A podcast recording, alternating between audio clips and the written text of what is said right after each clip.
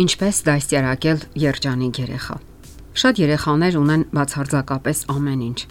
Նրանք ապահովված են նյութական բարիքներով։ Կատարվում են նրանց ամենափոքրիկ ցանկություններն անգամ։ Ստանում են ամեն ինչ պատրաստի վիճակում։ Սակայն նրանք իրենց երջանիկ չեն զգում։ Իսկ հետագայում այնքան էլ շատ բան չեն հիշում իրենց մանկությունից։ Այստեղ պատճառներից գլխավորն այն է, որ ծնողները հոգեկան արժեքները փոխարինում են նյութական արժեքներով Ժամանակակից ծնողները այնքան էլ շատ ժամանակ չեն կարողանում հատկացնել իրենց երեխաներին եւ շփման անբավարարությունը փորձում են փոխհատուցել նյութական առարկաներով։ Նոր մարզական կոշիկներ, պլանշետ, խաղալիքներ եւ երեխաները դառնում են երեսառած, կամակոր ու նյարդային։ Իսկ իրականում դա սիրո ճիչ է, սեր ստանալու եւ այն դրսեւորելու պահանջ։ Իսկ երբ չեն ստանում նյութական առարկաներ, դա ընդունում են որպես մերժում եւ յենթագիտակցաբար այսպես են մեկնաբանում. ինձ այլևս չեն սիրում։ Ահա թե ինչու հարկավոր է առանձնացնել երկու պատկերացումները՝ սերը եւ նյութական արժեքները։ Միանգամայն այլ են զգացմունքները եւ միանգամայն այլ կենսական պահանջները բավարարելը։ Պարտադիր չէ նաև ամբողջ ժամանակը նվիրաբերել երեխային։ Հարկավոր է պարզապես ամեն օր նրան շրջապատել ուշադրությամբ եւ հոգատարությամբ։ Թող դա լինի 1 ժամ, սակայն հրաշալի 1 ժամ։ Ձեր օրվա ժամանակի մոտավորապես 10-ից 15%-ը դուք կարող եք նվիրաբերել երեխային նոր բաներ սովորեցնելուն։ Դա կարող է լինել աշխարհի մասին նոր տեղեկատվություն, ֆիզիկական ծանրաբեռնվածություն, հույզեր, գիտելիքներ, երաժշտություն եւ այլն։ Եվ դա երեխայի հետ համագործակցելու հիանալի եղանակ կարող է լինել։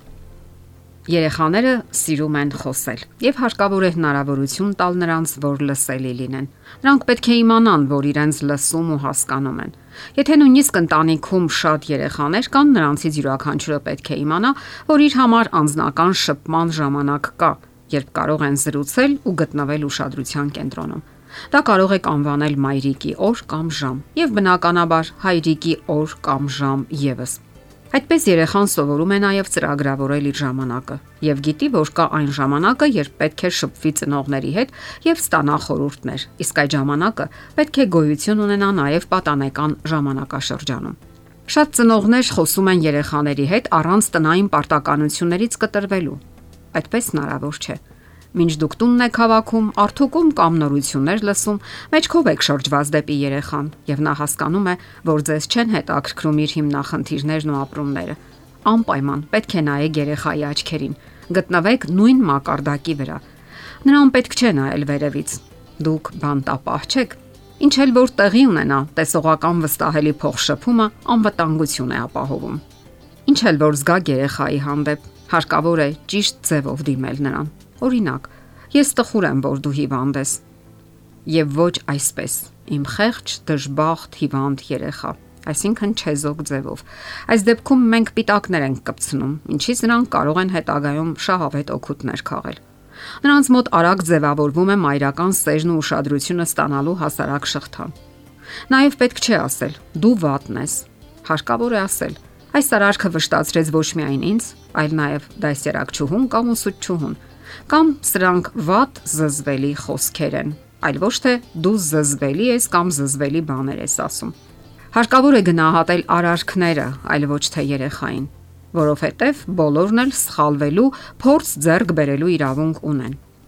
Երեխան պետք է վայելի իր մանկությունը։ Պետք է նրան տալ այդ հնարավորությունը եւ դա կախված է հենց ձեզանից։ Այսօր բազմաթիվ դասընթացներ կան, թե ինչպես աճեցնել հանճարներ կամ առաջնորդներ Իսկ դուք գիտեք, որ այսօրինակ դասընթացների քանակը ուղիղ համեմատական է ծնողների անլիարժեքության բարթույթների քանակին։ Նախկինում այսքան դասընթացներ չկային, սակայն ծնվում էին հանճարներ ու տաղանդավոր արվեստագետներ, գիտնականներ։ Ահա թե ինչու ավելի ճիշտ է հնարավորություն տալ երեխային հաճույքով ապրելու իր մանկությունը եւ վայելելու նրա յուրաքանչյուր օրն ու ժամը, գտնելու իրեն։ Եթե դուք լեզվաբանական ընտունակություններով երեխային տանեք կարատեի կամ բոքսի խմբակ, ապա վաղ թե ուշ նրա մոտ հոգեսոմատիկ հիվանդություններ առաջ կգան։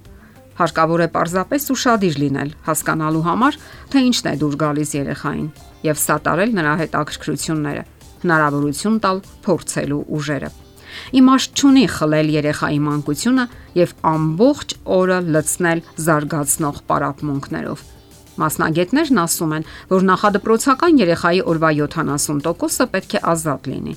Դա հենց այն ժամանակն է, երբ նա սկսում է ստեղծել եւ զարգ տալ երևակայությանը։ Առանց ստեղծագործության տարրերի դուք կմեծացնեք կենսաբանական ռոբոտի իր հաստատված ծրագրով։ Նաև պետք է լինեք ձեր խոստումների տերը։ Նախ ասենք, որ պետք չէ ձեռք բարձրացնել երեխայի վրա։ Իսկ եթե պատժելու սпарնալիքներ եք տվել, ապա չկատարելու դեպքում դրանք կորցնում են իրենց ուժը։ Եթե շրջանակներ եք սահմանել, եղեք հետևողական եւ գնացեք մինչև վերջ։ Մեկ անգամ ասել եք, երկրորդ անգամ պետք է անեք։ Շատ ծնողներ միայն խոստանում են. եթե քեզ վատ պահես, կտանեմ տուն։ Եթե այդպես չանեք, ձեր խոսքերը կկորցնեն իրենց ուժը։ Նման դեպքերում երեխան պարզապես հեղեղվում է անվերջ սпарնալիքներով։ Խոսքերը պետք է ամրապնդվեն գործողություններով։ Դուք կարող եք ասել. մենք գնում ենք տուն, որովհետև դու աղմկում ես։ Պարզապես նախքան սпарնալը 10 անգամ մտածեք։ Դե ինչ, երեխաներին տվեք այն երջանկությունը, որին նրանք իսկապես արժանի են, որpիսի վայելեն մանկության անխռով տարիները։ Եթերում է ընտանիք հաղորդաշարը։ Ձեզ հետ է Գեղեցիկ Մարտիրոսյանը։ Հարցերի եւ առաջարկությունների դեպքում զանգահարեք 041 08 20 93 հեռախոսահամարով։ Հետևեք մեզ hopmedia.am հասցեով։